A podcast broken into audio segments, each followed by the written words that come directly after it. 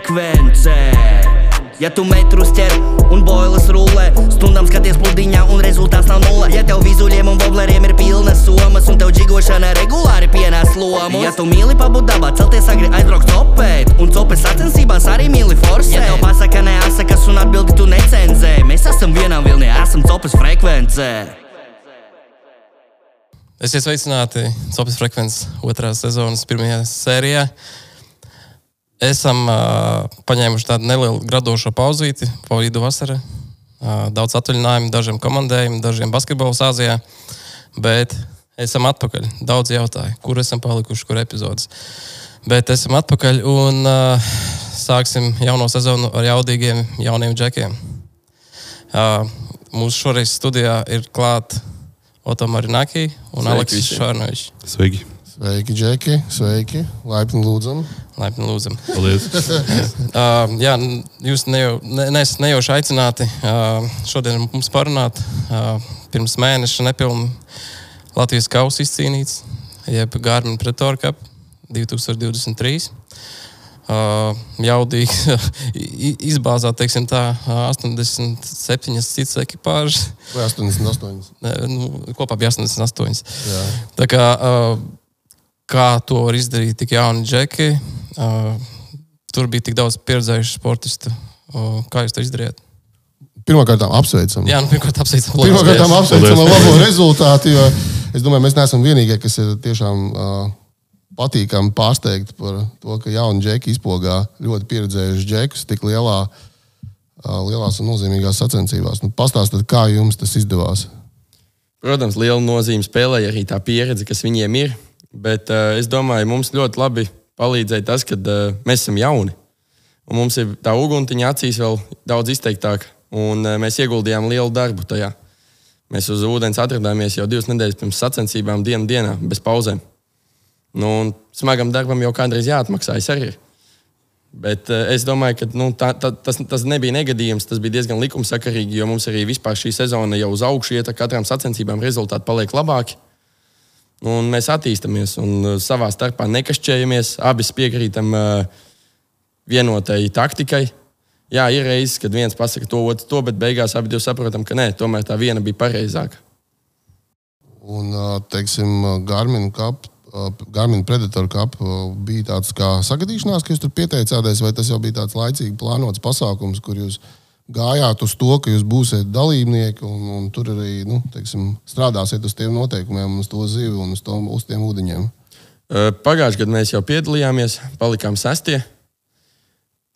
Mums pietrūka laba izmēra zivis. Nu, tad šogad vairāk ieguldījām laiku tieši uz lielo zivju meklēšanu. Un es uzskatu, ka mums, priekšro, uh, mums izdevīgāks ir tieši šāds formāts, kur var ķert tikai deviņa, vajag ķert tikai deviņas zivis. Un uh, kad mums nav jāstresot par to, lai ķertu mazas zivis un ātrā tempā. Nu, kas mums, ja mēs ieguldītos vairāk ar vēlmi tajā, mēs varētu, es domāju, to arī mierīgi darīt. Bet, uh, manuprāt, mums vismaz man interesantāk ir uh, ķert lielas zivis. Es domāju, Aleks šajā piekritīs. Pavisam noteikti. Bet, Aleks, tu, kā tev pašam, ko, kā tu skaties uz Garmin Predator Cup, ar ko tas atšķirās no pārējām teiksim, sacensībām, kur līdz šim bijis dalība? Um, par ļoti interesantu formātu. Tas, kad uh, ir ļoti kodolīgas sacensības, labi parādīts gan skatītājiem, gan pēc tam pašam interesanti pēc sacensībām vērot tās divu dienu tiešraides, dzirdēt visus studijā viesus, viņu piebildes, um, novēlējumus, uh, pamācības citreiz. Um, jā, jo šīs sacensības ļoti atšķirās ar, nu, piemēram, no Latvijas čempionāta, kas lielākajai daļai skatītāju nu, interesi ir maz. Uh, Turpretī Garminam redzējām tiešraidē, cik daudz cilvēku skatījās, jautājums uzdeva, sekoja līdzi, jūta līdzi. Tāpēc, jā, paldies visiem organizatoriem, Kristapam, Kotānam, kad tiešām līmenī visaugstākajā salīdzinājumā ar pārējām Eiropas sacensībām, kas tikko Zviedrijā notika, Balfons. Nu, Tur salīdzinot ar to, kas tikko bija Garminā. Tāpēc, jā. Jā, par, par, par jūsu laimēto, uzvarēto balvu noteikti parunāsim. Vai jūsu s- mašīnas sporta karjerā Gārmina pretora kapu uzvara ir augstākais punkts šobrīd? Nu, pavisam noteikti, es tā gribētu teikt. Bet uh, tā nav arī pirmā uzvara, jebkāda veida sacensībās. Ir arī citas mums uzvaras bijušas iepriekš. Uh, varbūt tad varam drusku chronoloģiski, cik jūs ilgi esat uh, uh, laivās. Un uh, tiksim, tā tendence, uh, kad jūs sākāt pirmo gadu, kurās vietās jūs bijāt, ja? un kā jūs sasniedzāt, kā jūs tikāt uh, pa kādām vietām līdz predatoru, Garmin predatoru uzvarai? Nu, pats sākums laikam bija Covid sākums. Mums arī tas kā, iedrošināja un ļāva izpausties, jo vairāk laiks bija jāpavada svaigā gaisā. Apstākļi pie, piespieda. jā, nu, dabas vēlme. Bet, jā, un uh, radās iespēja arī nopirkt uh, laivu, iegādāties. Un uh, tad izdomājām, ka nu, jāmēģina. Un labākā pieredze nāk tikai caur sacensībām. Jo ikdienā ķert ir viens sacensībās, kas ir pavisam cits. Tev nav iespēja attaisnoties, ka tev laikapstākļi slikti vai kas vēl. Bet tas ir cik gadi? No, trīs, divi gadi. trīs. Es pakomentēšu. Jau bija aizmirstām par to Es, Covid. Kad viņš īsti bija? Mūsu pirmā sacensības no laivām bija ESMA Honda Cup. Tas bija 2020. gadā, kur mēs jau, jau pirmajā posmā starp nu, tie paši cilvēki, kas šobrīd piedalās čempionātā, tie paši arī tur. Mēs bijām sastajā vietā. Tas bija mūsu pirmā sacensības, kuras jau iedeva ļoti labu pamatu, nu, kad mēs varam pat nu, no pieredzes. Neviens mums nerādīja, nestāstīja, mācījāmies paši. Grūtā pieredze, smagā pieredze, bet nu, rezultāti ir. Rezultāti būs. Tas ir ā, 20. gads. Nākamā, tad ā, Latvijas čempionātos kā jums ir gājis? Ja nemaldos, pirmais bija 2021. gads, kad pieteicāmies. Pat nespēju šeit atcerēties, kas bija pa posmiem, bet zinu to, ka bija posmi, kuros nostājām labi, bija kuros uh, sliktāk, bet uh, nereiz nepalikām ārpus pirmās puses. Nu, tādējādi sapratām to, ka laikam tas, ko darām, ir pareizi, ka esam uh, attīstījušies pareizā virzienā un saprašana arī pareizi. Nu, tagad šogad jau sanāk trešais gads, kad mēs jau startējam uh, Latvijas čempionātā pilnu sezonu. Un, uh, pirmajā sezonā, kad jūs Latvijas čempionā startējāt, uh, nu, atbrauc jauni džeki ar lielu laivu. Uh, visi līdz skatās lielām acīm. Uh, kā jūs uztvērat? Teiksim, not, kā Kā nopietnas jūs konkurences? pieņēmu? Kā jūs pieņēmu Bariņā? Nu, es jau sākumā iesmēju, ka uh, es esmu viņiem kā dēls. Dažam labam bija. Man bija tikko palikuši 18 gadi. Un, uh, jā, bet uh, Aleks bija pa pieciem gadiem vecāks. Nu, un tad viņam jau bija tā pieredze jau nedaudz lielāka. Tajā visā varbūt arī un saprāšana. Nu, un, uh, ir kas palīdzēja, ir kas atbalstīja, ir kas izturējās arī nosodoši. Nu, kad, ko tādi tas sīkie pazaudējuši no sērijas. Bērndārs. Bērndārs, jā, Jā, tā, bet, uh, Bērndārs tikko parādīja, nu, ko tieši var izdarīt. Nu, Restīvi, tas sanāk, ka jums vajadzēja bija šī arī pierādīt, ja, ka uh, tas vecums nav tik nozīmīgs, uh, ka jūs varat arī bieži izviest pogas arī jau pieredzējušajiem un arī vecākiem dalībniekiem. Nu, viens vecums, tas jau vairāk tā saistīts ar pieredzi, bet otrs ir smags darbs, ko ieguldam pirms uh, sacensībām un uh, arī ikdienas copē. Kā mēs pavadām, mēs uh, nereiz neķeram uh, kaut kādas zivis, ko mēs neķertu sacensībās. Arī. Mēs ļoti arī atzīmējam vietas, laikus un uh, visādas tādas sakritības, kas ir. Un, no tā jau tālāk arī izējām un domājam, ko darīt. Un tas arī palīdzēja, ne? Nu, kā piemēram, Gārminā tas ļoti palīdzēja, ka mēs bijām piefiksējuši ā, laiku, cikos ķerās un kur. Jo, kā jau gadiem tas ir zināms, bet nu, vairums laikam to aizmirst, vai nepiefiksē, vai nepadomā. Tad ā, ļoti jāpievērš tam uzmanība, kad pieņemsim tajā, tajā un tajā vietā tikos un tikos ir iznāciens. Un, ā, tas, protams, mainīsies ar laiku, bet ā, pieņemsim, ja tu nedēļu pirms sacensībām to esi atkodis, nu, nedēļas laikā tam diži mainīties nevajadzētu. Ir, protams, gadījumi vai negadījumi, bet, bet lielākā mērā tomēr stabilitāte. Nu, globāla situācija nemainās tur pa nedēļu. Bet, teiksim, varbūt nedaudz atgriežoties atpakaļ pie Gārmina un arī aizskrot to, ko tu tikko sāki stāstīt uh, par to gatavošanos uh, sacensībām. Teiksim, kā jūs viņu vispār redzat, kāda ir tā procedūra, ko jū, kam jūs ejat cauri, lai jūs labi sagatavotos sacensībām un arī ir tas, būtu tas rezultāts. Visa pamatā ir plāns, pie kura arī cenšamies turēties. Tas ir tāds uz- uzzīmē, uzzīmēts uz papīra plāns. jā. Nu, bez mazā, jā, bet tas plāns, ja pieņemsim, šobrīd bija divas nedēļas līdz sacensībām, mums plāns bija visām jau izdomāts divām nedēļām, bet pēc pirmajiem četriem, pieciem treniņiem tā esam sapulci un saprotam to, ka paredzētais plāns tomēr nenoderēs. un atkal viņu mainām, un tad jau sākam jau skatīties jau sīkāk un precīzāk, ko mēs varam uzlabot.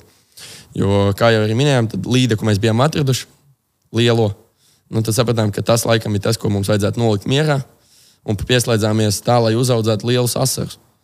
Nu, tad to arī mēs atradām, un īstenībā tas prasīja, man liekas, arī visilgāko laiku atrast lielus asarus, stabilus. Un tam mēs Pēdējais- pavadījām, jā, nedēļu. Nedēļu mēs pavadījām, meklējot tikai asaru dienu dienā. Man kā feederistam jāsaprot, ko nozīmē nedēļa meklējot. Tas ir, kas, Tas- tas ir katru dienu, cik stundas un cik kilometri jānobrauc, lai to asaru atrastu. Katru dienu sākām pusstundu, stundu pirms sacensību paredzētā laika jau uz ūdens atradāmies. Un finišējām aptuveni, kad beidzas sacensības, varbūt stundu vēlāk. Pat. Nu, tas ir tā, ka jo tuvāk sacensībām, jo mazāk āķis izmantojam. Bet braukājam pa lokālām vietām un smagi strādājam ar dažādiem mānekļiem. Pēc, tre, pēc tās nedēļas treniņiem, man liekas, laivā nebija kur kājas spērt, tāpēc ka viss bija mānekļos uz zemes. Jo vienkārši ņem piecus metienus ar katru mānekli. Ir, ir, nav, nav. Ir īpaši vietās, kur tu zini, ka viņam jābūt, vai arī sāns, ka tos tu esi pamanījis viņu. Vai jūs paši esat kā piefiksējuši, cik stundas esat bijuši uz ūdens? Es domāju, ka uh, motorstundas, ja paskatās, mums apkopi sanāk. Mot, apkopi jātaisa reizes simts motorstundās. Mums sezonā sanāk vismaz viena, par, dažreiz pat divas apkopes. Tas ir tas laiks, ko mēs braucam. Cik vēl ir laiks, kamēr motors ir izslēgts. Bet reāli es gribētu teikt, ka sezonas laikā mēs pavadām vidēji 4 līdz 5 dienas uz ūdens nedēļā. Un tas ir apvienojot visu darbu kopā vēl. Tas ir diezgan iespaidīgi. Tas, ir, tas nozīmē, ka draudzenēm un ballītēm laika paliek pavisam maz. Tikai Nē, balīts to vienkārši jāmāk apvienot. Ar līdakam tikai balīts. nu, bet arī nav slikti. Bet cik tas ir stundas viens treniņš? Nu, tāds reāls viens treniņš, cik tas ir stundas? Nu, tagad, piemēram, uz Gārminu mums bija, ja nemaldos, mēs sākām katru dienu pusseptiņos no rīta uz ūdens jau un līdz pulkstenes četriem pēcpusdienā. Nu, tad tas sanāk čo- desmit stundas, grupi sakot. Katru dienu, bez pauzēm. Tas ir divas nedēļas. Vai- Ja? Tas ko- ir divas nedēļas. Jautājums, ko jūs par nakti strādājat? Uh, nu, atbraucot atpakaļ no treniņa, ir, bija dienas, kad, jā, kad uh, līdz vēlai, vēlai naktī, gan arī līdz rītam bija strādāts. Nu, un tad divas, trīs stundas miega, un atkal esi laivā un strādā. Un pirms sacensībām jau dažas dienas pirms man, vien, man viens čoms jau pateica, nu, to gadu. Jau, Džeki, jūs izskatāties diezgan drausmīgi. Tā kā būtu nedēļa koduši. Bet kas ir tas drives, kāpēc jūs gribat to darīt? Kāpēc gribat visu laiku trenēties, gribat uh, uz ūdens būt? Kāpēc? Tas adrenalīns, kas ir sacensībās, noķerot to zīvi pēc tā izpildītā plāna, ir vienkārši neaprakstāms sajūta. Tātad uh, plāna salikšana, plāna izpilde un Jā, rezultāts ir tas tas, rezultāts ir uh, pilnīgā Ja, ja nirvana. trīs saliekās, tad Jā, ir, tad ir viss. tad, uh, ekstāze pilnīgākā. Jo, Es, es pieļauju, kāda tā ekstāze bija pēc Garmin uzvarēšanas. Ja, tad Jā, divu jā, nedēļu jā, darbs jā. ir rezultējies. plus 30 grādu karstumā. Jā, Nu, tur ekstāze bija īstenībā laba, jo vienā no momentiem varēja redzēt, kad izvelkot metrīgo līdeku otro eh, kājā, es dabūju āķi sev. eh, Pilnībā iedzenot pēdā viņu iekšā, un eh, bez jebkādiem sirdsapziņas pārmetumiem un sejas izteiksmēm es viņu izrausu no kājas. Un turpināju makšķerēt, pat nejūtot sāpes īstenībā sākumā. Bet, nu, pēc, Adrenalīns pēc tam, kad adrenalīns beidzās, tad bija tā, kā bija īstenībā. Bet uh, es domāju, ka uh, nu, tas tāds mans subjektīvais viedoklis, tad jūsu vecums īstenībā jums spēlē par labu. Ja jūs varat atļaut sev tādu, pie tādas slodzes nodarbināt tās divas nedēļas, un uh, gan makšķerēt, gan strādāt, gan arī uzballēties un visu pārējo darīt, ja, uh, es domāju, ka cilvēkiem gados jau tas būtu diezgan, diezgan grūti, ja, vai pat, pat neiespējami atsevišķos momentos. Mūsu gadījumā mums, mums jāizvēlās vai nu copēt, vai strādāt. Tā kā, nu, ne, nevar neko citu. Nu, tas ir gan fiziski, gan morāli ļoti smagi. Nav nemaz tik viegli, un tāpēc arī bija, kad, nu, kad jau pasmējās, ka Džeki izstāsta ļoti slikti. Jo nu, tu tās divas nedēļas neesi miegu īsti dabūjis. Tu esi visu laiku tādā vieglā stresiņā. Nu, un, jo tuvāk sacensības, jo tas stress vairāk aug. Kaut gan es sevi pieķēru vienā brīdī pirms uh, Gārmina kausa, tā bija laikam ceturtdiena, kad tas stress noplaka, tāpēc ka mēs bijām tā atraduši pilnīgi visu. Un bija sajūta, ka nu, visam jāizdodas. Jo asari lieli ir atrasti, līdeklis liels ir atrasts, vajag tikai savā ziņā veiksmi, kurai nu, pēc smaga darba būtu jābūt. Nu, tad jau viss saliksies. Nu, par zandartiem mums uztraukums nav šo sezonu vispār, man liekas, bijis īsti. Tāpēc, kad uh, divas nedēļas pirms mēs vienu dienu tikai bijām uz zandartiem iebraukuši, paskatījāmies, viņi tur ir. Viss skaidrs, zinām, ka noķersim. Nu, jā, nu, tā ir zivs, ko mēs ikdienā agrāk ķērām. Nu, un tad zinām to, ka naktas laikā mūs pamodinās, un mēs tāpat zināsim, ko kā darīt, lai viņi noķertu. Protams, var salikties, un bija arī gadījums, kad uh, mums bija jau noķertas divas no trīs uh, nepieciešamajām zivīm, zandarta tieši. Un mums pietrūka vēl viens, lai aizvērtu sarakstu, un kas palielam jau nodrošinātu arī uzvaru. Tāpēc, kad sapratām to, ka nu, metrīga līdeka jau ir labs bonus, 40 asari, nu, viss ir nodrošināts. Un tajā brīdī ieslēdzās kaut kāds pilnīgākais bardaks un sākās tukšās copas. Un bija 6, 7 tukšās copas, nu tā, ka jau sēž zivs galā un aiziet. Nu, un tad arī bija svarīgs moments, kad viens uz otru nesāks uh, stresot, bļaustīties vai ko. Viens otru pabalsta, pastumj uz priekšu un nu, kaut ko mainām, uzlabojam, un tad jau viss būs labi. Nu, tas arī sanāca arī sacensībās. Un teiksim, par to, kas sanāca, kas tieši bija Garmina kausā. Jā, nu, ja jūs varat padalīties no tādām detalizētām lietām, kas bija tas, kas tiešām nostrādāja. Nu, ja citiem varbūt nezinu, lokācijas, ēsmas, tehnika, kas, vēl, kas, kas bija tas, kas nostrādāja. Nu, es gribētu teikt, ka tieši uz asariem mēs bijām iebraukuši un nostrādāja izspēles veids. Tātad pati tehnika, kā pasniedz mānekli. Tāpēc, kad apkārt mums mēs redzējām vēl 4-5 laivas, kas ķēra, bet nu, pat tu nebija tik veiksmīgi, kā mums tas bija. Un, uh, mēs tur sacensību laikā, ja nemaldos, pusotras stundas laikā bija aptuveni 30 cops no lieliem asariem. No 30 centimetriem uz augšu. Kamēr apkārt cilvēki skatījās un nesaprot, kā. Savu pakomentēšu šo vasaru situāciju. Paldies Mārtiņam Madrīdskim par vietu, par mānekli. Viņš ielika pamatu šai vietai, šim māneklim, iedeva ticību mums. Tāpēc es arī tieši uz viņu, mūsu otras komandas kapteinim, Jā. Mārtiņam Madrīdskim. Paldies! Bet, uh, jā, nu viņš, viņš tiešām to točku pateica, lai mēs pamēģinām. Bet tur bija mērķis jau sākumā līdeka, bet it kā runa bija par to, ka arī asarē esot kontakti bijuši. Nu, un tad tālāk jau atlika tikai pareizi izstrādāt un noticēt māneklim, kā Aleks teica. Jā, ticamība svarīga monēta. Tad arī jā, noticējāt arī Latvijas čempionāta pēdējā posmā šogad, jau noķerot to 47. Tieši uz to pašu monētu. Mums treniņos arī atkal bija 40 plus asari. Es domāju, labi, tik liels nebija gaidīts, teikšu atklāti, bet uh, virs 40 centimetriem mēs bijām pārliecināti, ka kādam ir jābūt noteikti. Tas ir uh, jūsu rekords paša? Tas man personīgi ir rekords. Jā. Tev, Aleks, cik liels asars? 41. 41 jā, cik tas ir? Cik tas ir svarā? Tas 47. Tas ir pusotrs kaut kas tāds. Tas eh, īstenībā būs grūti pateikt. Nu, mēs neesam arī tā svēruši lielās zivis, bet uh, es domāju, ka pusotrs kilograms tur bija noteikti, jo viņš bija zāļu asars. Un, uh, viņš nebija varbūt pats uzbarojies, bet viņš bija diezgan apaļīgs. Viņu ar divām rokām pat apķert īsti nevarēja. Tur bija pāris. Kā domājat, cik Latvijā lielākais kaut kur peldi? Nu, es zinu oficiāli par to, ka uh, viena no ekipāžām pagājušajā gadā pirms gār, uh, Gārmina noķēra 52 cm, bet tas bija jūras asars. Nu, un viņš ir daudz garāks, stievāks. Nu, Viņš Nu, nav, man nav tik smags. Nu, un es domāju, ka nu, viņam svars varētu būt arī aptuveni līdzīgs. Bet tā kā es domāju, Latvijas rekords arī tepat Lielupē kaut vai dzīvo. Noteikti. Vai Dāngā? Nē, Tie paši babītas asari, tur ir liela pie grozos. Jā. Tie Viņi tur izteikti nāk ārā un viņi tur dzīvojās. Un neko Daugavā, kad mēs ķērām Gārminam, nu, 40 asarus tur varēja tiešām daudz ķert. Bet, vai, bet tur, kur ir 40, tie tur jābūt arī, es domāju, tam vietējiem 50. vec- vectētiņam. Vai mamucim? Nu, to, to es viņam neesmu jautājis. Bet, nu, tas Tad, kad satiksimies, tad uzprasīšu. Uh, Nedaudz atgriežoties par jūsu uh, cop, copas pirmsākumiem. Parunāsim arī, kā jūs izveidojaties kā tandēms, bet nu, loģiski, ap mums, loģisks jautājums vienmēr ir, kā jūs sākāt vispār makšķerēt. Jā, kā Tas es ir tā kā nodrošina, ka visiem standartiem ir 4, 4, 5 gadi. Jā, Abiem diviem tēti bija.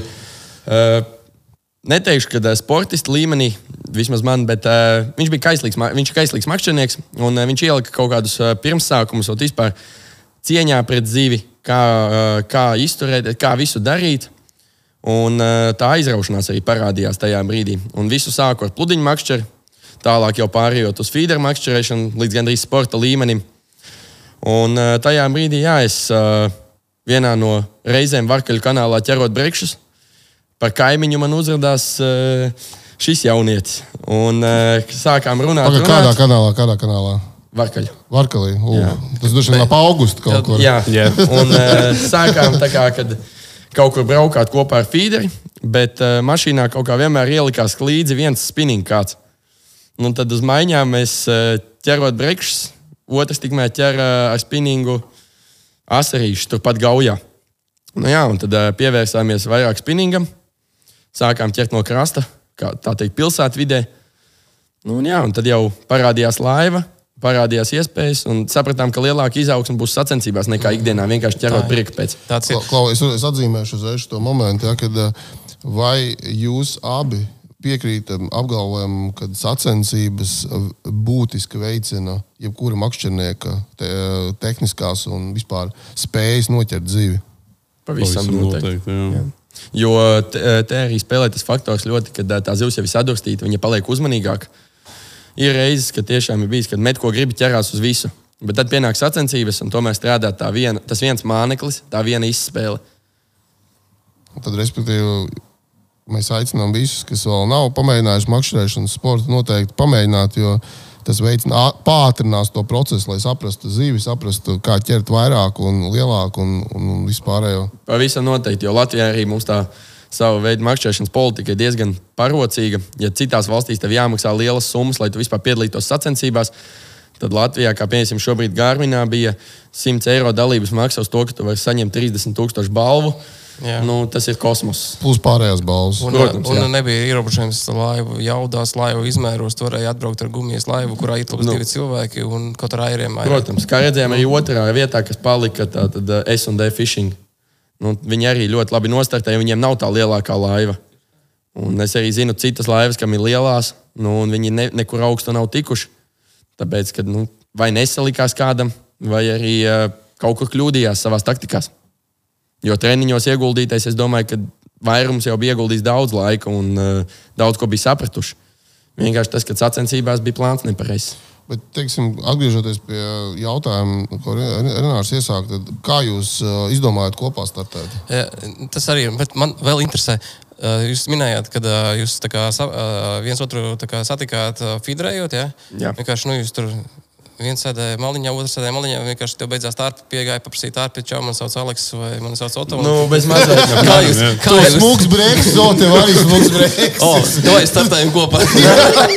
Mācām Latvijas čempionu. Salikās uzreiz, salikās uzreiz, kā cimds ar roku. Viss domāšana, domāšana. jā, domāšana. Jo ļoti svarīgi tas, ka tu laivā viens ar otru spēj sadzīvot. Jo gribētos jau par laimi vai nelaimi teikt, ka uh, laivā mēs pavadām kopā laiku vairāk nekā ģimene. Reāli, jā. Un, ja tu nevari sadzīvot tur, tajos trīs kvadrātmetros, piecos, nu, tad atvaino man. Nekas labs tur nebūs. Jā, Un, jā, ā, kā tieši- redzam, daudzas komandas tā, tādējādi arī pajukušas. Nu, jā, tieši gribēju saprast, to, kas, kas uh, tas jūsu injāns, jā, kā jūs, uh, Jā. kāda jums tā sinerģija veidojas. Uzreiz laikā, no pirmā ir pirmā- brīnišķīgs mīlestības stāsts. mums No šeit, pirmā šoreiz studijā. Romāns. Bet, nu, nu, bet tā tas notiek parasti. Nu. Baigi labi. Jo ilgāk kaut ko mēģini, jo mazāk kaut kas sanāk. Un, un tad ir negaidīts moments, un lūdzu. Mums arī svarīgi, ka mēs neesam viens otram tādi kā jesmeni. Nu, kad piekrītam viens otram bez vārda. Bez, mums ir Mums divas dažādas domas. Jā. Jā. Mēs liekam plus, mīnus, un beigās nonākam pie viena kopēja rezultāta, kuram abi piekrītam. Jā, un, un tas, kad spējam uzticēties viens otram, jo ir bijuši reizes, kad Aleks pasakā, nu, vai aizbraucam tur, iedod man 5 minūtes. Man ir sajūta, ka tur būs. Tā ir tā vieta, kur mums jāaizbrauc. Nu, tas nostrādā. Un tāpat arī man bijis, kad nostrādā man sajūta, ka nu, tur viņai jābūt. Aizbraucam un ir. Un, Tas eh, reāli arī bija šeit Garminā ar līdekām. jā. Mums bija jau divas līdekas. Mums bija divas līnijas jau noķertas, un Jā, vajadzēja vēl, ne, melojam. Mums bija viena 68 cm līnija noķerta. Autos Un- saka, ka jābrauc uz turieni, uz vietu X. Saku, nu, Nē, mēs bijām aizbraukuši līdz pirmajai vietai, kur bija lielās arī. Jā. Nogājām Jā, jā, garām, jā. mēs dabūjām tikai septiņas tukšās copes. Un arī jau sākās tā mazā panika, ka nu, copes Jā, ir, jā, viss jā, ir, bet, bet dzīves te galā nav. Un, jā, un tur no tās vietas vēl pārsimt metru attālumā ir otra vieta mums iestrādāta, kur treniņā arī bija lielās. Tur bija tieši ceturtdienā, mēs dabūjām divas virs metra. pastāst, pastāst sīkāk. Jā, nu jā, tur uh, Aleksam bija rekords galā. Es meistarīgi ar sačuku paspēju padarboties. Jo laivā mētājās mantas, un ko es laikam paklupu sanāca. Un uh, tajā brīdī sačuks ieķērās māneklī. Un zivs tur turējās nu, aiz, aiz zoba. Nu, un kā dāvana par to, ka es viņu sačukā dabūju, bet ne līdz galam zobu viņa atstāja. Bet pati aizgāja un atvadījās no mums. Nu, un tā bija līde, ka virs metra stabili. Kur mēs redzam kadrā zo, zo, zobu. Tad, jā, nu, tad, tas zobs ir īstenībā arī diezgan liels. Nu, Jā, šī, divi centimetri. šī Divi. līnija mums arī iedeva pārliecību, nu, ka tā vietā, ka tur jābūt, ka jā. ir lielās zivs tieši, tieši šajā līnijā. Bet Cik liels tā varētu būt? To, Nu, tā pēc bija tā zobus me- griežot. Ap metru desmit tā arī bija. Varbūt un tā pati, kas Varbūt tiešām tā paņēma, pati, kas paņēma. Zobu nepārbaudījām. Bet eh, tās vietas, divas, kas mums tur ir, nu, viņas jau strādā jau gadiem. Mm Mhm. -hmm. Un kopš pirmās eh, dienas, kad mēs iebraucām Ķīšezerā, pirmā reize laikam bija 2020. vai 2021. gadā, kad mēs iebraucām. Un, uh, bija kaut kādas 4, 5 točkas, kur iebraucam, un pēc sajūtām, ej, šitai jābūt labai. Un no tām 4, 5 točkām tagad vienu mēs esam tikai dzēsuši no sevis. Mums ir palikušas 3, 4 točkas, kuras mēs ikdienā arī izmantojam, un tur tās zivis ir. Tad uh, uzmanieties no kāda, kas jums uh, sako līdzi no, no tāluma un, un piefiksē GPS. Ir jau bijuši gadījumi tādi, kad uh, pilnīgi seko laivas, divas, trīs pat. Un skatās, ko mēs darām un kā darām. Tagad arī Gārmiņa kausā bija, ja nemal, nemaldos, Ukrāņu laiva mm. un arī Lietuviešu laiva. Viņi braukāja un GPS atsita vietas, kur, kur kurš ķer un filmēja. Un, uh, tad, jā, tad mēs arī sākām taisīt pat muļķības, tur paņemam speciāli citus kātus. Uz lielām Big- big- ultralaitu. vai, vai otrādi, jā, nu, lai, lai bišku pajauktu cilvēkiem, jo, kā zināms, arī drīzumā ir pasaules čempionāts Latvijā. Nu, un tad, eh, nu, nedrīkst atklāt visas kārtas. tas arī bija brīdis, kad mēs bijām visu izdarījuši jau tajā dienā. Nu, mēs varējām atļauties jau bišku jau. Jaucam pēdas, ka, Jā. kas sacīt jāsaka. Jo tiešām visi pētīja, visi skatījās, visi analizēja, ko katrs darīja. Tieši ārvalstnieki jā. Bet tās uh, vietas, ko jūs sakat, kas jau gadiem tur atstrādātas un izpētītas, un vēl joprojām strādā, viņas tiešām nemainās. Tas nozīmē, ka tā, nezinu, nu, teiksim, ja man ķerot balto zivi, katru gadu teiksim, iet ledus, ja, un viņš to gru, gru, gru, gultni nedaudz pamaina, un Ezeros. pamaina. Ja, un, Ezeros tas nav tik aktuāli. Jā. Upēs, jā.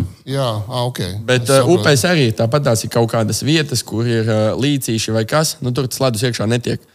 Nu, un, ja tur, piemēram, dziļums ir 5, 6 metri, nu, tam ledum tur nav ko darīt. Viņš var atnest tikai jaunu koku, varbūt kādu, kas atkal uzlabos vēl točku.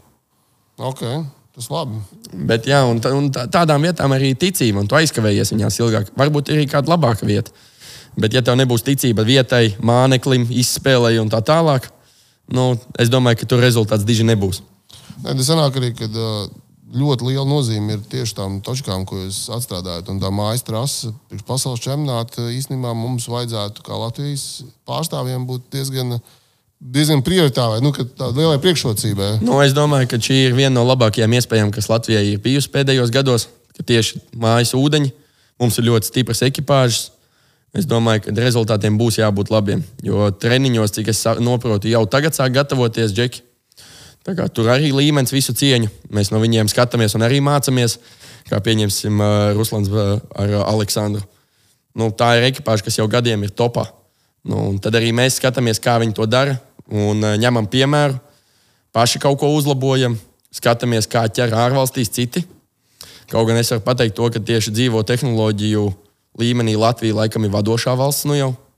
Oho, diezgan skaidrs apgalvojums. Nē, es ar citu šo arī teikuši, ir daži mūsu viesi, kad mm. mēs laivu tehnoloģijā esam diezgan tālu apguvuši to visu. Tas, kā mēs Es biju izkoduši, kā princips, Jā. kā viņi strādā, kā viņi tehnika, var kā mēs pielietot. ķeram. Jā. Nu, La Latvijā, ja tā paskatās, nu, nu jau gandrīz katram otram ir panoptiks, nu, kas ar laivu ķer.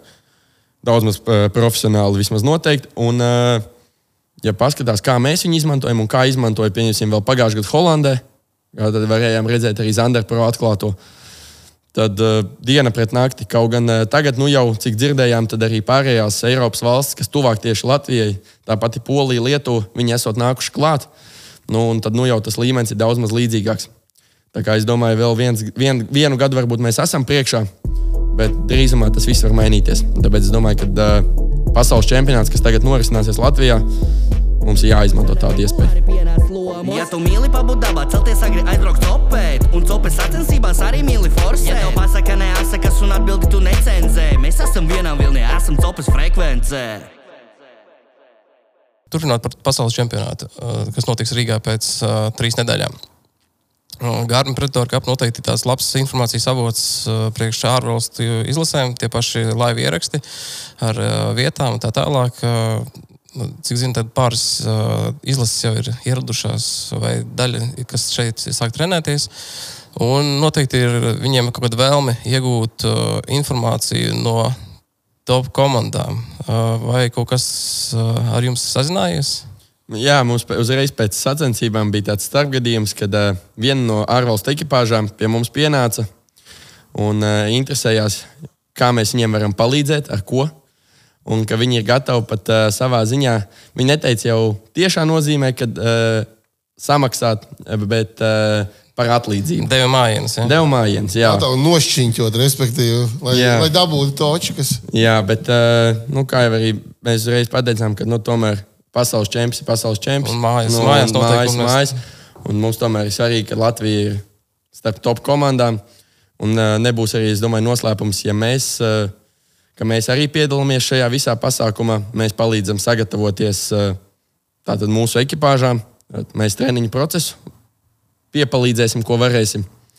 Tā kā, jā, un, Bet, uh, kā jūs vēl sacensību laikā, pasaules čempionu laikā varat palīdzēt izlasēt tikai uh, attālināti? Nu, sacensību laikā laikam jau nekā īsti. Bet Pirms sacensībām, eh, pirms jā. sacensībām ir ļoti liels darbs jāiegulda. Laiks arī nav tik daudz. Jo, kā zināms, tad uh, oktobra beigas, oktobra sākums jau būs uh, periods, kad uh, mainīsies ļoti krasi laikapstākļi, zivs uzvedība un vispārējais. Un tad sanāk, ka uh, tu nevari gatavoties jau trīs nedēļas pirms, bet tev jāskatās jau tā pēdējā pusotra nedēļa.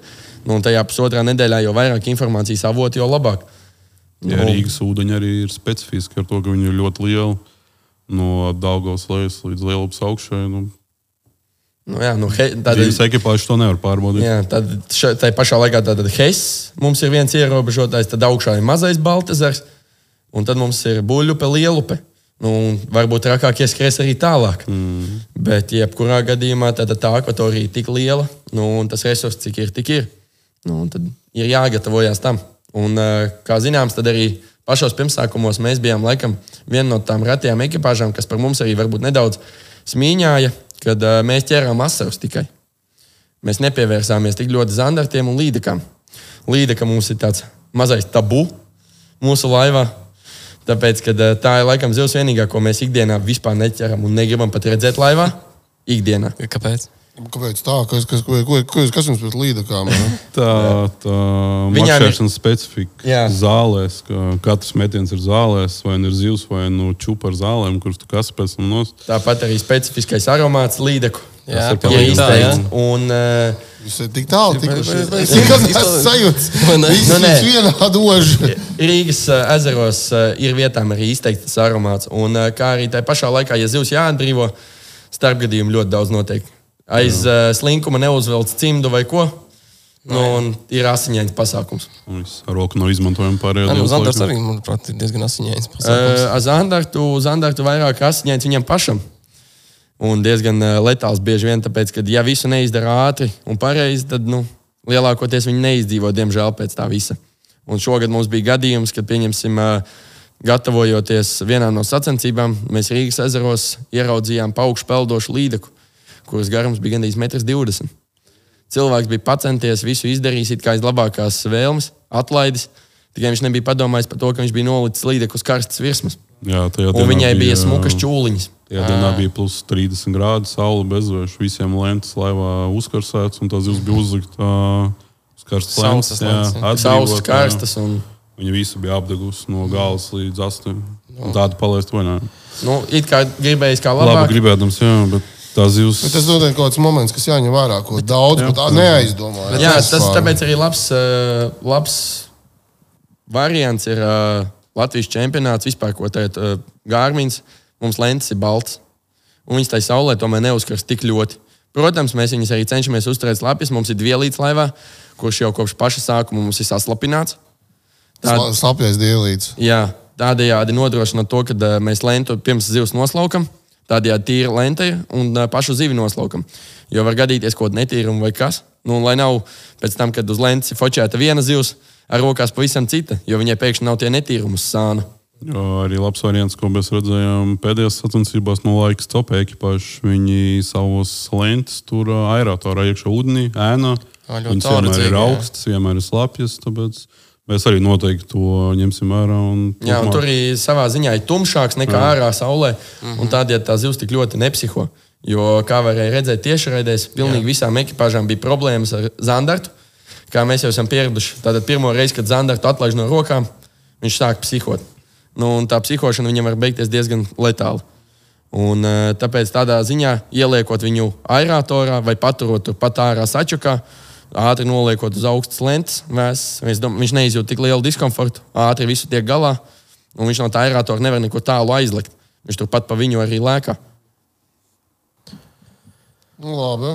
Uh, Nedaudz prakses. Jā, jā. Uh, bet uh, šeit arī var pieskarties tēmai par to, kā apieties ar to dzīvi. Un vai visiem makšķerniekiem nevajadzētu pirms sākt makšķerēt, uh, iemācīties to darīt pareizi, noliekot kaut kādus pārbaudījumus. Tikai tad tu tiec pie tās makšķernieka kartes. Tas būtu vērtīgi. Par pārbaudījumiem, jā, bet uh, tai pašā laikā ir iespējams sazināties ar sportistiem. Es domāju, ka neviens sportists neatteiks padomu.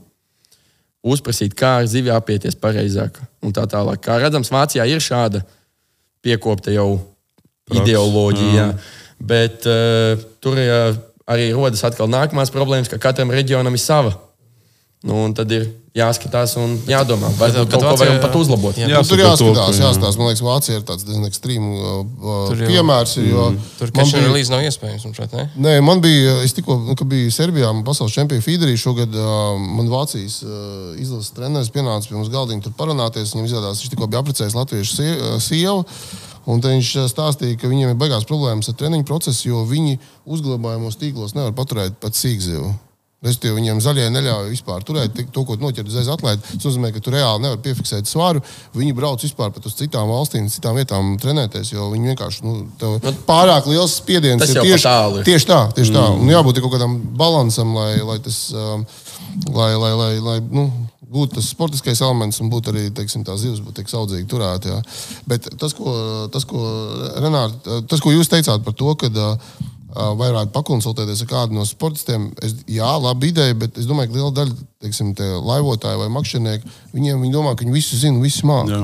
Un, ja tu viņus nu, teiksim, nepiespiedīsi to apgūt, vismaz tās bāzes lietas, viņš, eh, viņš nu, to nedarīs. Ja? Jo nu, ir pietiekami daudz tādu ārprātu, ko tu redz tur eh, Facebookā un visur pārējais. Ja?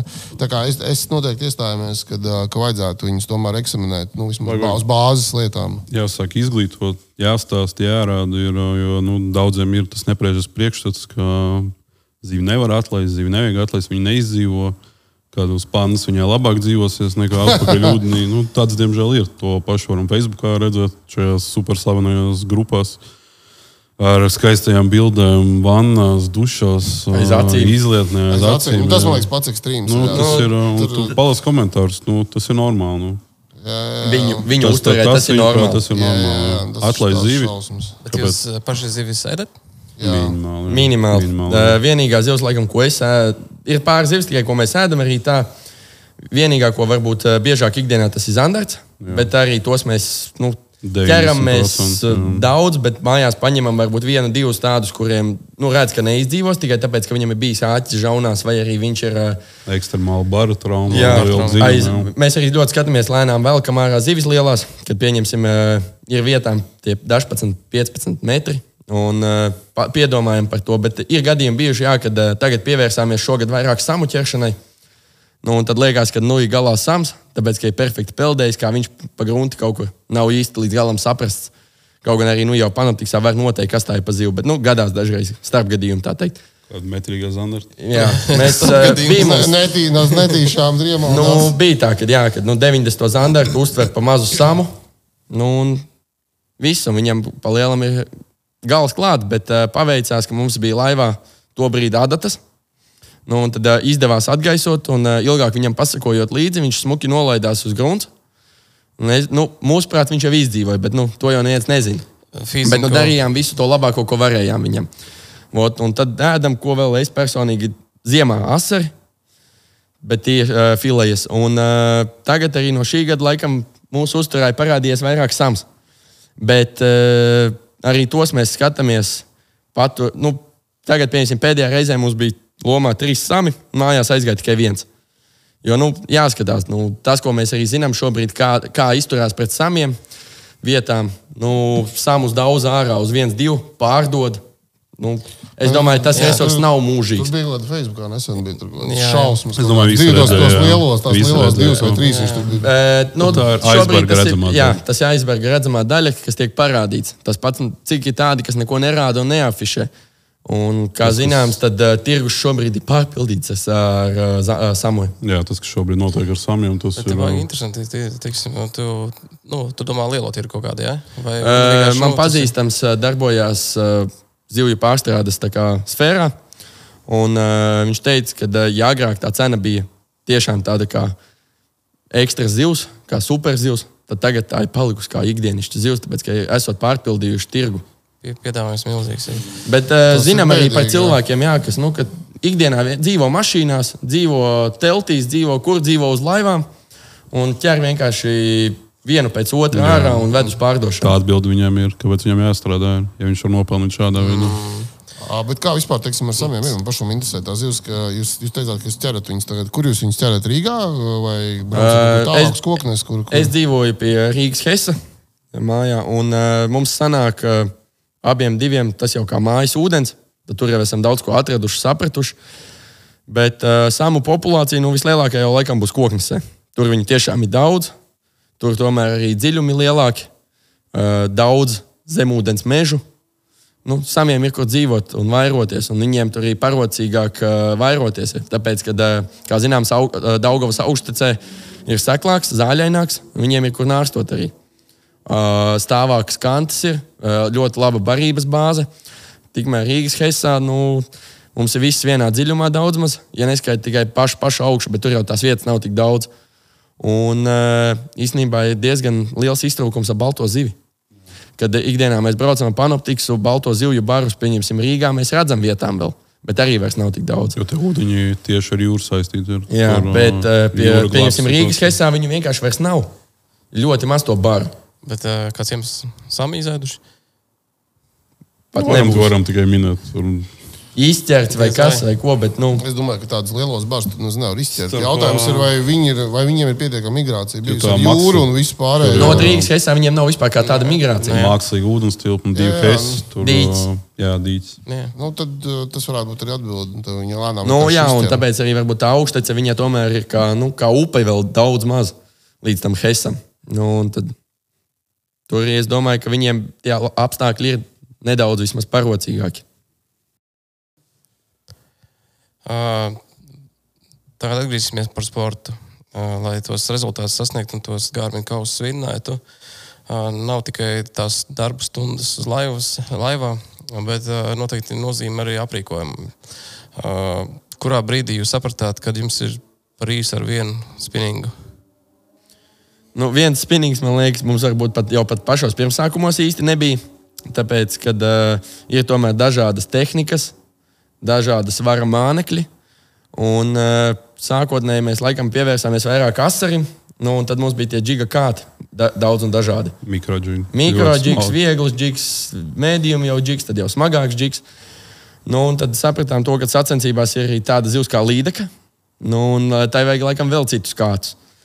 Nu, tad jau ir sacensību pieredze, kad pieņemsim, iepērkam jaunus mānekļus, jauna tipa, jaunas uh, ražotāja. Viņiem tomēr atšķirās ļoti izspēles veids, svars, pretestības. Nu, un kad vajag arī cita veida kātus. Nu, tad šobrīd jau laikam esam nonākuši, kad laivā ikdienā mums stāv 10, 11 kāti uz abiem kopā. Un ir reizes, kad liekas, ka ir pa maz. Tāpēc, kad uh, katrai zivij, katram māneklim ir savs. Jo, kā pieņemsim, arī viens no labiem piemēriem mums ir, uh, šajā gadījumā Aleksam ir uh, Arion Spinnings, kā, uh, Arion Spinnings, kurš ir ļoti jūtīgs un pateicīgs tādā ziņā. Un viņš ar viņu var izspēlēt tādas spēlītas, ko ar jebkuru citu varbūt kāds nemaz nevarēs. Ko es pilnīgi arī piekrītu viņam. Bet viņam atkal ir nākamā atdure. Tikko tu tiec līdz zālēm, tā zālēs ir schodi, jo viņš ir pamīksts atkal. Nu, tad tu saproti, ka tev vajag atkal cietāku kātu. tu nopērci cietāku, priekšzālēm. Un tad atkal audz, audz, audz, un tev tie kāti krājās. Tu jau viņus nemet ārā. Tu nopērci tikai to vienu klāt jaunu. Gadās sezonas, protams, ka tu salauzi vai ko. Bet arī, ja tu salauzi, tu jau viņu neizmet. Tu pārsvarā viņu atjauno. Nopērk jaunu spici vai uh, nopērk tādu pašu. Labi, bet, uh, nu, tas izklausās pēc tādas nopietnas noliktavas jau gan uh, kātiem, gan arī visā pārējā. Mānekļiem. Ma mānekļiem, nu nerunājot par to apjomu mānekļiem. Tā Jā. vajag pat jautāt, vienkārši. Jā, Jā, bet- bet ļoti daudz. Ir. Nu, bet jums, ir, cik es jā. saprotu, jums ir laiva, arī viss tehnika aprīkota, viss pārējais arī. Kas, uh, teiksim, kā ar finansējumu, kas jums palīdz organizēt izmaksas, jo nu, izmaksas ir pietiekami ievērojamas. Jo laivu sports nav laids. Tas tas nav nē. noliedzams. Tas ir skaidrs, ka tas ir laikam viens no dārgākajiem sportiem, kas ir vispār. Nu, tāds tautas sportiem ir īpaši. Nerunāsim tur varbūt par kaut kādiem jau globāli jau zināmiem.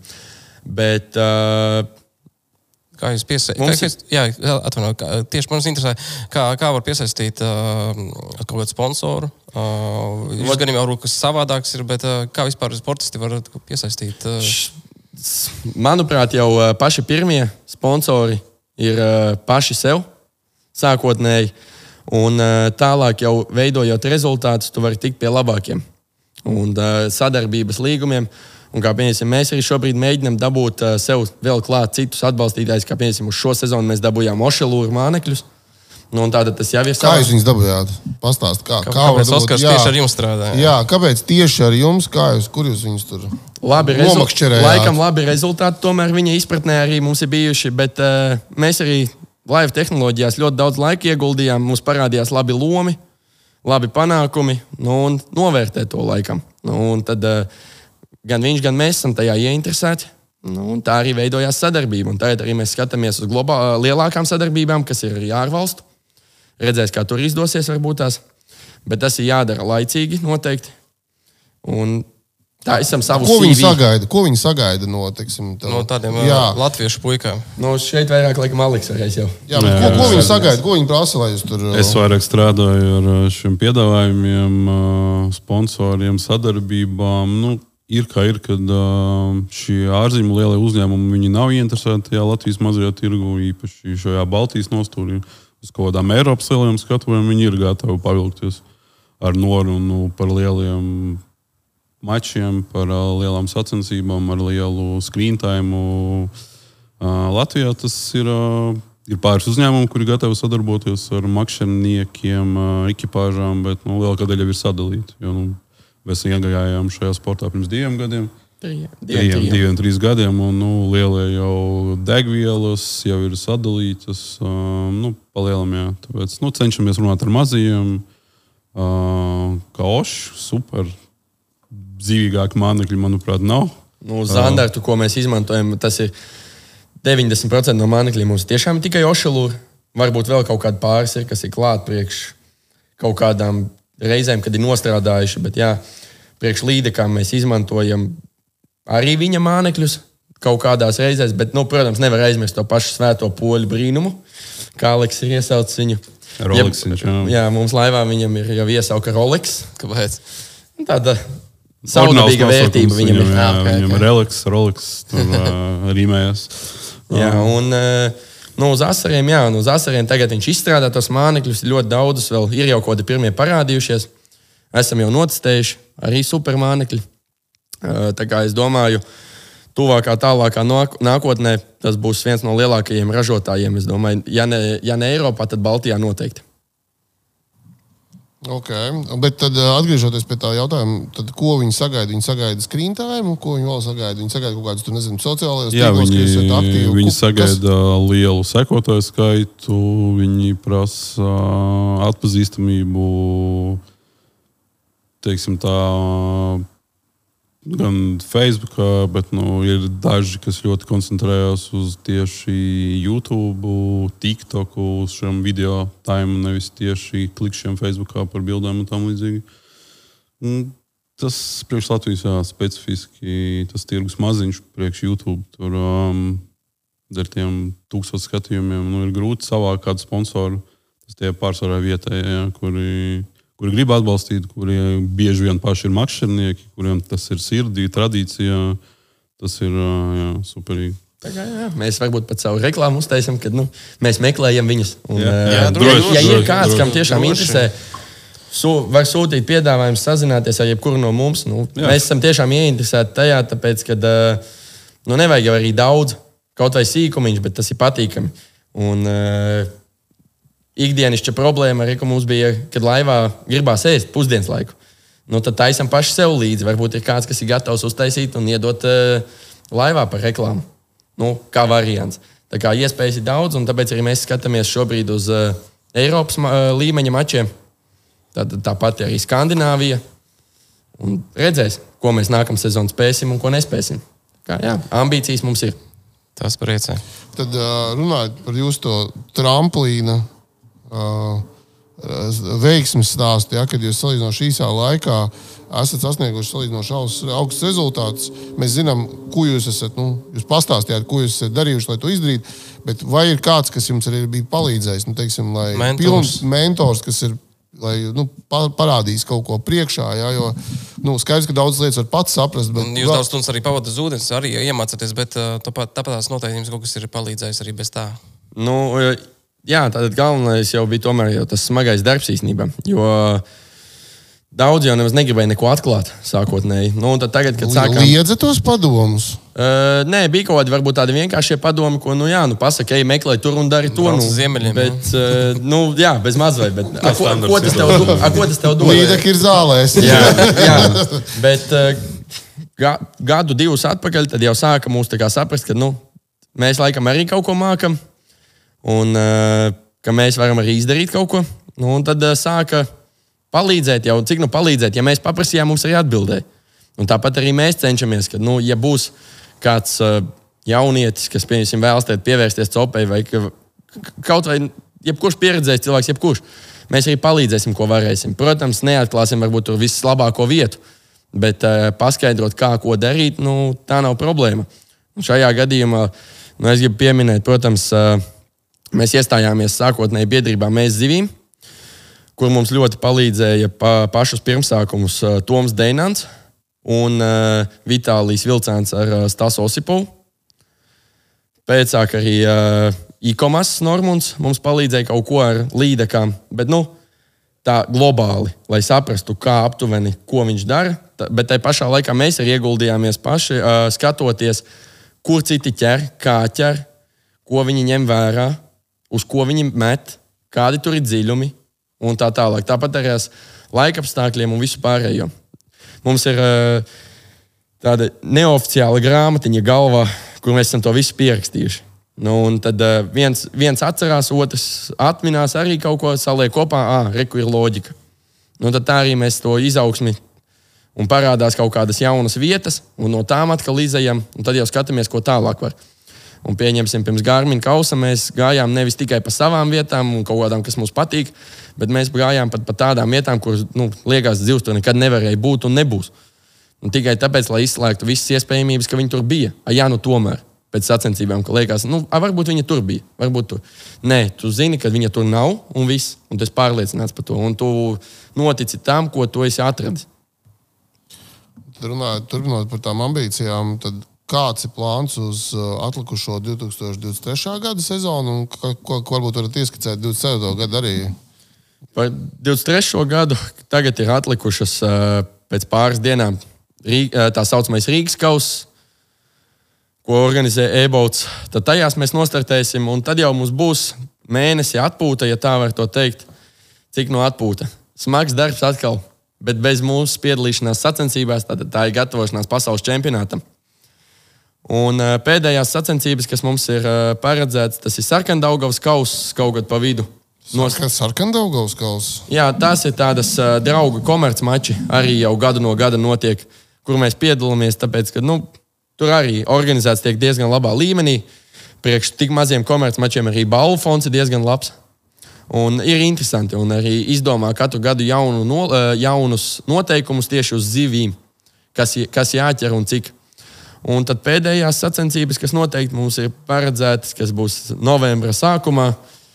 Ar, Ja snie- ja ar sniedziņu, jā, kā jau pagājušajā gadā tas bija, tas ir Zanderpro.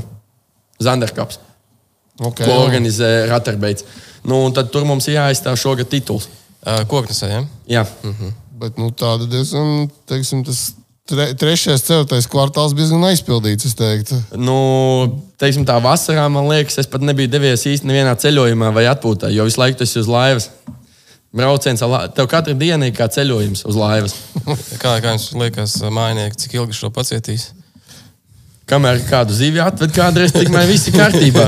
Bet, Un arī eh, kaut ko vinnēja. Jā, un kamēr Ā, ir, nu, tikmēr ir prieks. Jo īsnībā, jā, es ļoti lielu paldies varu pateikt ģimenei. Jo uh, pati laiva ir uh, no ģimenes arī nākusi kā pat ne dāvana, bet kā arī ieguldījums. Jo uh, tagad arī mēs to atmaksājam savā ziņā. Mums ir ļoti lieli fani mājās. Pieņemsim, zinu, ka Gārminam sekoja līdz otrajā dienā pilnīgi visi. Pat uh, rādi un draugi, kas teica, ka tādām nesako, bet pat tie bija esot skatījušies un fanojuši līdzi. Tā kā jā, nu, tas ir tāds dzinējspēks īstenībā. Un uh, turpinot par 24. gadu, jūs kaut kādas tur izskanēja, kaut kādas lielas ambīcijas un plānu. Kaut ko varat ieskicēt? Varbūt varbūt? atklāt nedaudz, vai vēl Nu, tas ir tas standarts Skandinavijas sacensības.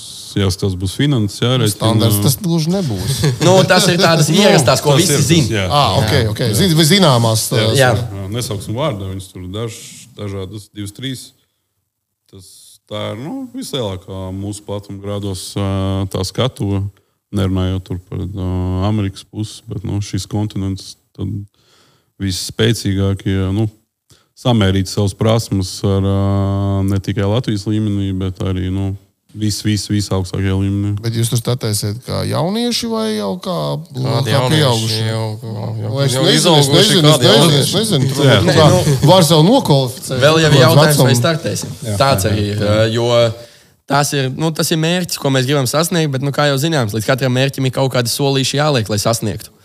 Nu, un tad, jā, kā jau Aleks teica, tās ir finanses pirmām kārtām. Jā, kā- Tātad, tas tur nav nav lēti. iespējams, ka pa naktīm tu strādā un pa dienu atkal makšķerē bez miega. Loģistika, loģistika. Jā, mums ir jānogādā tā pati laiva uz turieni, un, kā zināms, mums ir Lunda laiva, kurai pārvietojoties Latvijas robežās, mēs vēl ņemam atļaujas, liela gabarīta.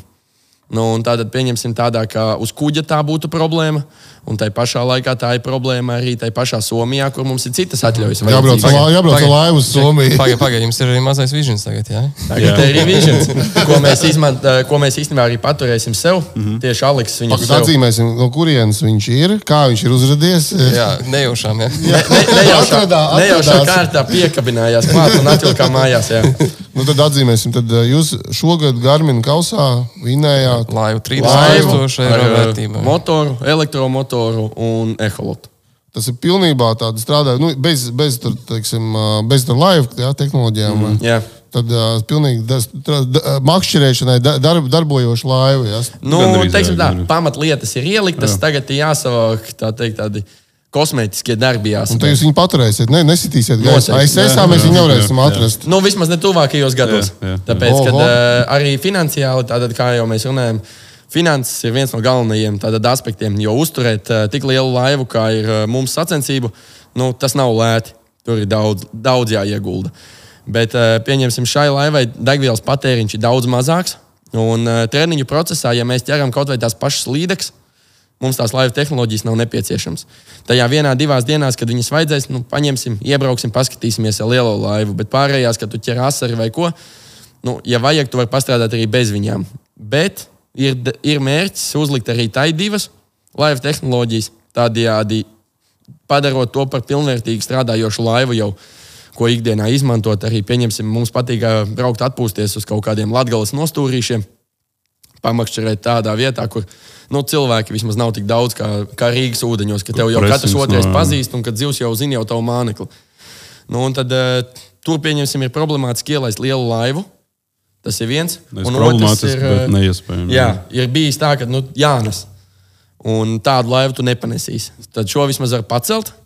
Un otrs ir ā, daudz kur ierobežojumi, dabas liegumi, kur tu nedrīkst izmantot lielos dzinējus. Nu, tad tur noderēs arī šī laiva. Nu, tad uh, liks tiks liek tā. Jau paspējāt izbraukt sapēru.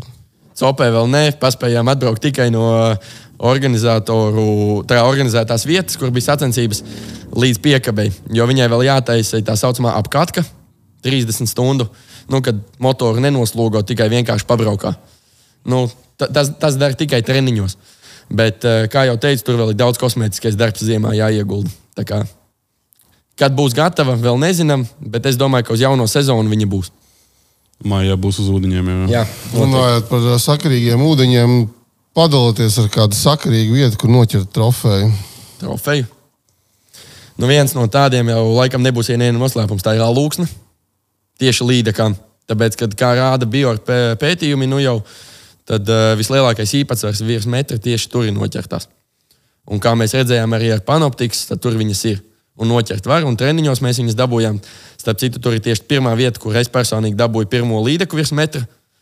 Tā kā jā, bet uh, Ir mums daudz labi ūdeņi. Tie paši, tā pati Daugava ar lieliem asariem ir bagāta. Vienkārši ir jāmeklē, jāskatās. Varbūt vajag pašpikot no citiem, tomēr pasakot līdzi. Un uh, zandarti, zandarti jau laikam būs lielupe. Noteikti. Kaut vai ko, koknes arī. Uh, Daudz saka, ka tur resursi esot slikts, bet uh, nezinu. Mēs tur treniņos dabūjām gan 90 zandartus, gan no 80 līdz 90 vairākus. Tā kā resursi ir vienkārši tur ir liela akvatorija. Liela upē tā akvatorija nav tik liela. Bet jā, nu, gan arī jau jebkurā upē, ūdens tilpnē būs kāds uh, trofejs izmēra zivs. Vienkārši vai tu spēsi viņai atrast uh, vietu, laiku Jāmāk un atslēdziņu. Vai, jā, ir jāiemācās pierunāt pareizi viņu. Uh, labi, uh, vai pēc laivām būs kaut kāds cits sports, karpas? Arī, šobrīd mums ir uh, tāds atpūtas veids, lai atslēgtos no sporta? Mēs aizbraucam ar feederīti, viegliem kātiem, nu, pabaudīt tīri to copi. Bet, uh, nu, tā kā visi kaut kādā brīdī pāraug no viena sporta uz citu, tā kā nu, jūs paši Nu, d- Lēkā pa disciplīnām. Nu, jā. kas, jums, kas varētu būt nākošais? Ja to noķert, at, ja pazūd šeit tas Nu, drives, es tad un tas forels izklausās ļoti Forels ir diezgan Jā, interesants. Arī, arī man ļoti arī interesanti. nākat, nākat. Tas dueļi ļoti specifiski, ļoti interesanti. Šodien, šodien, nevar Jā. atbraukt, diemžēl. Jā. Šodien ir Jā. tieši tā foreļu festivāls, tieši tie priekš jaunajiem iepazīstināt disciplīnu. Ļoti interesants sacensības. Bet nu, es domāju, ka vēl tik drīz mēs no šī nos nelīdīsim, jo tā teikt, savu slimību mēs jau pārslimojām, kā jau iepriekš teicām, kad feederu sākām ķert. Mēs nomakšķerējām pāris sezonas ar feederu, un gan es jau tiku jau līdz sporta līmenim gandrīz. Bet tad sapratu, ka tomēr tas nav tas. Nu, un tad li- šī jau ir tā lieta, laikam, kas jau ir iepatikusies, un uh, tu vari gan atpūsties, gan tai pašā laikā strādāt ar to. Jo, kā zināms, mums arī Latvijā ir vairāki gidi, kas ar to pelna. Jā. Varbūt tas arī varētu būt viens no nākotnes mērķiem. Uztaisīt savu gidēšanas kaut kādu kopienu vai uh, skolu. Ah, varbūt. okay, okay. Jā, jā, starp citu, es, es izmantoju vairākas reizes, bijis ar, ar Kasparu Holmu. jā. Un Es tikai katru reizi ar viņu izbraucot, izbaudu to brīdi, kad uh, viņš man daudz ko iemācīja. Katra copa jau ir kā svētki īstenībā. Un uh, it īpaši cilvēkiem, kas varbūt ar to nenodarbojas ikdienā, nu, liekas liela nauda, bet tai pašā laikā nu, tev iedod visu. Un tās zināšanas, kas ir krātas. Pagājušo gadu mēs uz ūdens atradāmies gandrīz katru dienu. Zinu, tikai tāpēc, lai izprastu labāk laiva tehnoloģijas. Nu, un tad šogad tas jau ir nesis augļus. Jo, nu, kā jau zinājām, tad, kā teicām, arī kad divas nedēļas pirms mēs pārbaudījām, kur zandarts ir, pārbaudījām, ka mēs viņu noķert vēl mākam. Tomēr nu, atlika tikai noticēt sev, kad pārējās zivis atradīsim, izdarīsim visu, ko vajag, un tad aizbrauksim pēc tā vieglāk, vieglākās daļas, kas mums ir. Kāpēc asakainē? Šo būs pat laikam grūti atbildēt, bet uh, iepre, uh, draugu lokā mums bija izveidota grupa sākotnēji ar šādu nosaukumu. Nu, un tad uh, kaut kā tas viss aizgāja līdz tam, kad nevajag mainīt neko, nu, paliekam pie tā, kas ir. Un uh, man arī ļoti patīk šis nosaukums, jo vienmēr esmu uzskatījis, ka komandai jāsaucas uh, saistībā ar to, ko tu dari. Tieši eh, ja runājam par makšķerēšanu. Ko jūs kā jau, jaunās paudzes sportisti varat iemācīt vai ieteikt vecajiem? Tā ļoti Jo kritiski paskatoties. jo, jo uz parasti, jo parasti ir otrādi. Es gribu zināt, ko jūs varētu ieteikt viņiem. Nu, pieņemsim eh, šais, šis pēdējais posms, kas bija Lielupē, tagad Latvijas čempionātā. Varbūt uh, nospēlēja tas, ka uh, mēs esam savā veidā agresīvi. Uh, mēs neko nedarām uz vietas un ilgi. Mēs ļoti daudz skraidām. Bet tajā pašā laikā tas var atmaksāties, tāpēc, ka ir vietas, kur zivis nav. To mums bieži pārmet šie vecie gadu gājuma makšķernieki. Nu, ko jūs tur lidojat? Paliekat, sēžat, Neatstrādājot līdz Jā, galam. Izsēžat, jā. izsēžat. Bet, bet ja tur jā. nav, nu, tad mūsuprāt, tur nav ko darīt. Un, jā, ir reizes, kad mums tas ir iegāzis, teikšu atklāti, un smagi iegāzis. Un tas bija īpaši alūksnes posms, ka mēs aizlidojām uz vietu, kur viņa bija. Bet mēs piecreiz iemetām no sērijas, ai, nepatīk, un aizbraucām prom. Ko beigās nu, dabūjām pāri paši. Bet eh, tā ir pieredze, un tagad mēs vietas tomēr izstrādājam bišku ilgāk. Bet, ja, bijuši, ja tur treniņos nav bijis, mēs vispār tur nebraucam. Un uh, sacensībās, ja tur nav bijis kaut viens kontakts, desmit minūšu laikā, nu, vai jēga, nedomāju. Tad labāk es aizskrienam uz nākamo vietu, kur varbūt būs kontakts, un tad jau var izstrādāt līdz galam to Tā vietu. aktīvā zivs. Tomēr bez tā aktīvā zivs cenšamies atrast, kur viņa nav noprasēta tik ļoti. Tās tie kontakti uzreiz ir pie pirmajiem metieniem parasti. Vai arī ir vietas, kur vienkārši ir ticība, ka nu, tur Jo, viņas bija treniņos, tur viņām jābūt. Nu, tad strādā. Garmina kapā arī mums bija situācija ar laseriem. Nu, brīnišķīgs rezultāts 41, 38, 38 cm asari. Bet viss nesākās tik rožaini. Mēs iebraucām tur un pirmā pusstunda stunda bez copēm ar vienu labu copu. Vienu labu copi, O, kas, nu. bet, bet tā bija līdeka visticamāk. Bet uh, nemetām plinti krūmos, zinājām, ka tas asars tur ir. Gaidījām un sagaidījām. Nu, tīras pieredzi varbūt pirms diviem gadiem, bet būtu pēc tās pusstundas jau, jau otrā Rīgas galā. Tas nav izsākts. Vienīgais, jā, kas mums pietrūka līdz šim, ir pieredze, kur nu tagad mēs krājam, mācāmies. Tas, kas cik bez ūdens pavadām laiku, ir viens, bet tas, ko mēs pavadām mājās pie YouTube, Facebook, analizējot citus makšķerniekus, ne tikai Latvijā, bet ārzemēs, nu, tas arī ir ļoti liels darbs. Nu, jā, man jau smējās to, ka mājās dažreiz ir dienas, kad uh, to vien dzird tikai par copi kaut ko. Tad angliski, tad krieviski, tad vēl kaut kā vāciski. Nu, visās valodās tur iet un visu maļu uz riņķi. Bet uh, it kā tas fonā iet, liekas, ka tu nedzirdi varbūt, bet tāpat tās kaut kādi knifiņi aizķerās. Un tas daudz ko nospēlē. Un, uh, skatāmies, kā piemēram Skandināvijā viņi meklē lielās līdzekļus, uz ko skatās kādās vietās, kādus mānekļus izmanto. Tās pats ir kaut kādas tādas universālās mānekļu izspēles, un tad ir kaut kādi mazie knifiņi. Un pie tiem knifiņiem mēs mēģinām arī paši pieķerties un pamēģināt, kā mums tas darbojas. Nu, kā pieņemsim uz asari, tas bija ļoti būtiski. Jo, kā jau iepriekš minēju, tad, tad apkārt bija vairākas ekipāžas. Viena ekipāža ķēra līdzekļus ar, tā- ar tiem pašiem mānekļiem, un divas, trīs ekipāžas neķēra neko. Un uh, tikai ja pareizi izspēle, varēja pierunāt uz copēm. Nu, tad, kad jau to bijām sapratuši, jo tajā dienā bija nedaudz pamainījies, nekā bija treniņos tieši izspēle, bet nebija pārāk. It kā ideja tā pati, bet, bet bišku, bišku savādāk. Apstākļi bija mainījušies. Jā. Ūdens bija duļķēnāks, līdz ar to bez to spēli piemērojam apstākļiem. Jā, un izdevās to atkost, un tad, jā, tad stundā pusotrā mums bija 30 labi kontakti ar lieliem asariem. Un Tiešām lieliem. Līdeks arī bija. Nu, un, jā, nu, tur bija starpgadījumi visādi ar tukšajām copēm, ļoti daudz tieši līdeku. Ko nu, arī ieslēdzās jau atkal mazā panika, bet tajā pašā laikā zinājām, ka mums vēl priekšā ir lielo līdeku točkas.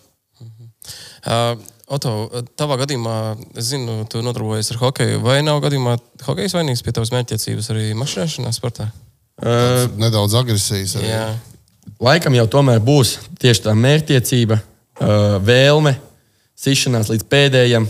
Nu, kad bija arī pieņemsim, gadījumi, kad mēs uh, nepadodamies arī trīs minūtes pirms finiša.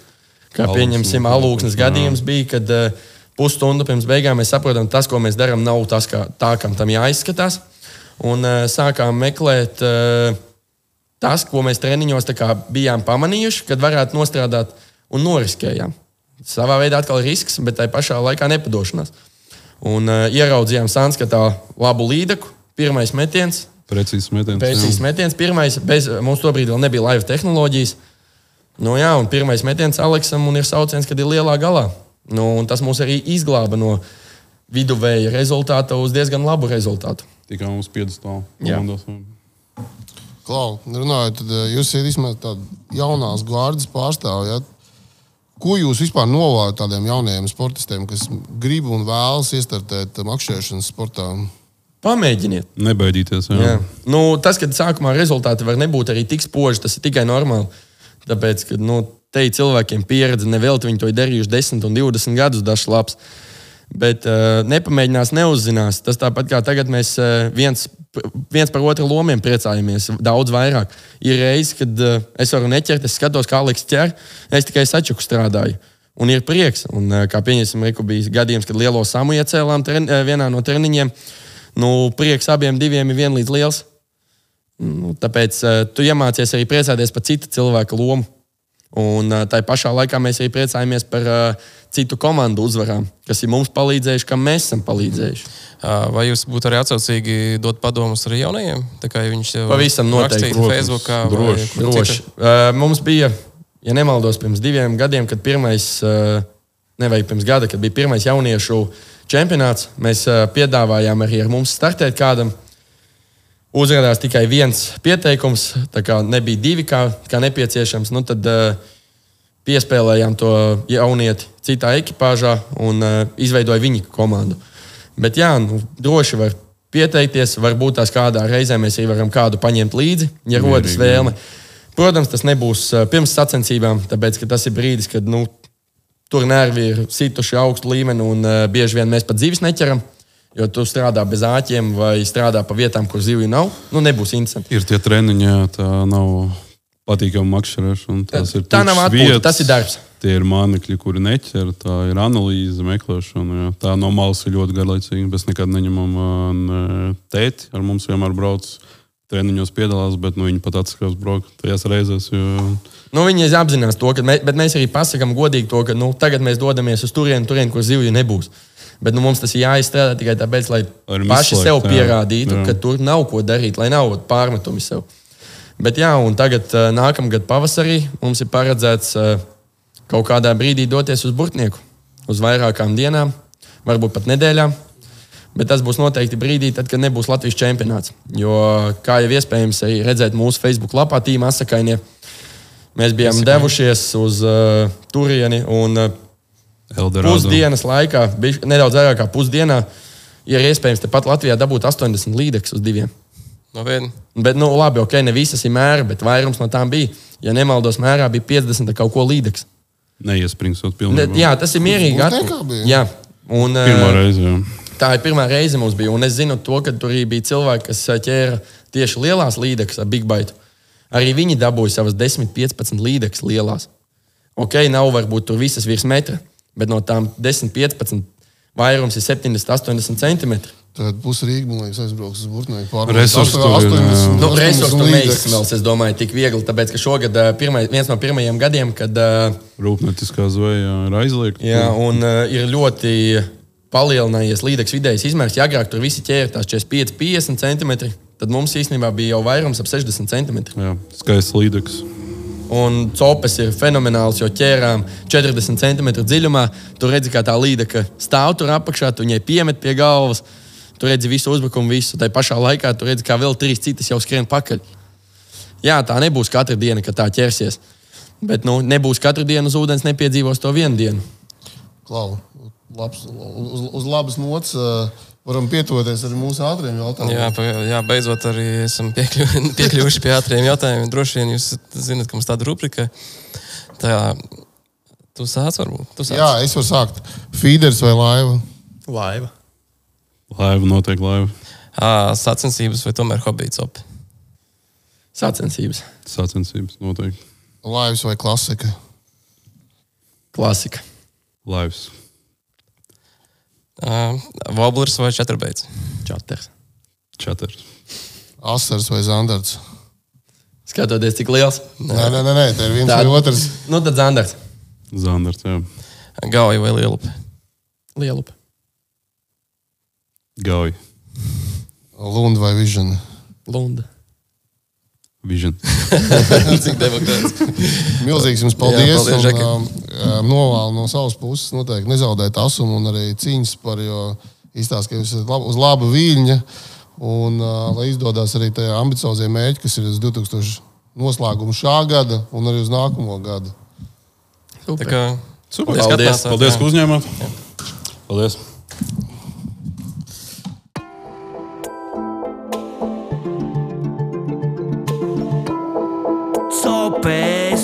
Frekvencē Ja tu metrus ķer un boilas rullē, stundām skaties pludiņā un rezultāts nav nulle. Ja tev vizuļiem un vobleriem ir pilnas somas un tev džigošana regulāri pienāc lomu. Ja tu mīli pabūt dabā, celties agri aizbraukt copēt un copes sacensībās arī mīli forsēt. Ja tev pasaka neasakas un atbildi tu necenzē, mēs esam vienā vilnī, esam copes frekvencē.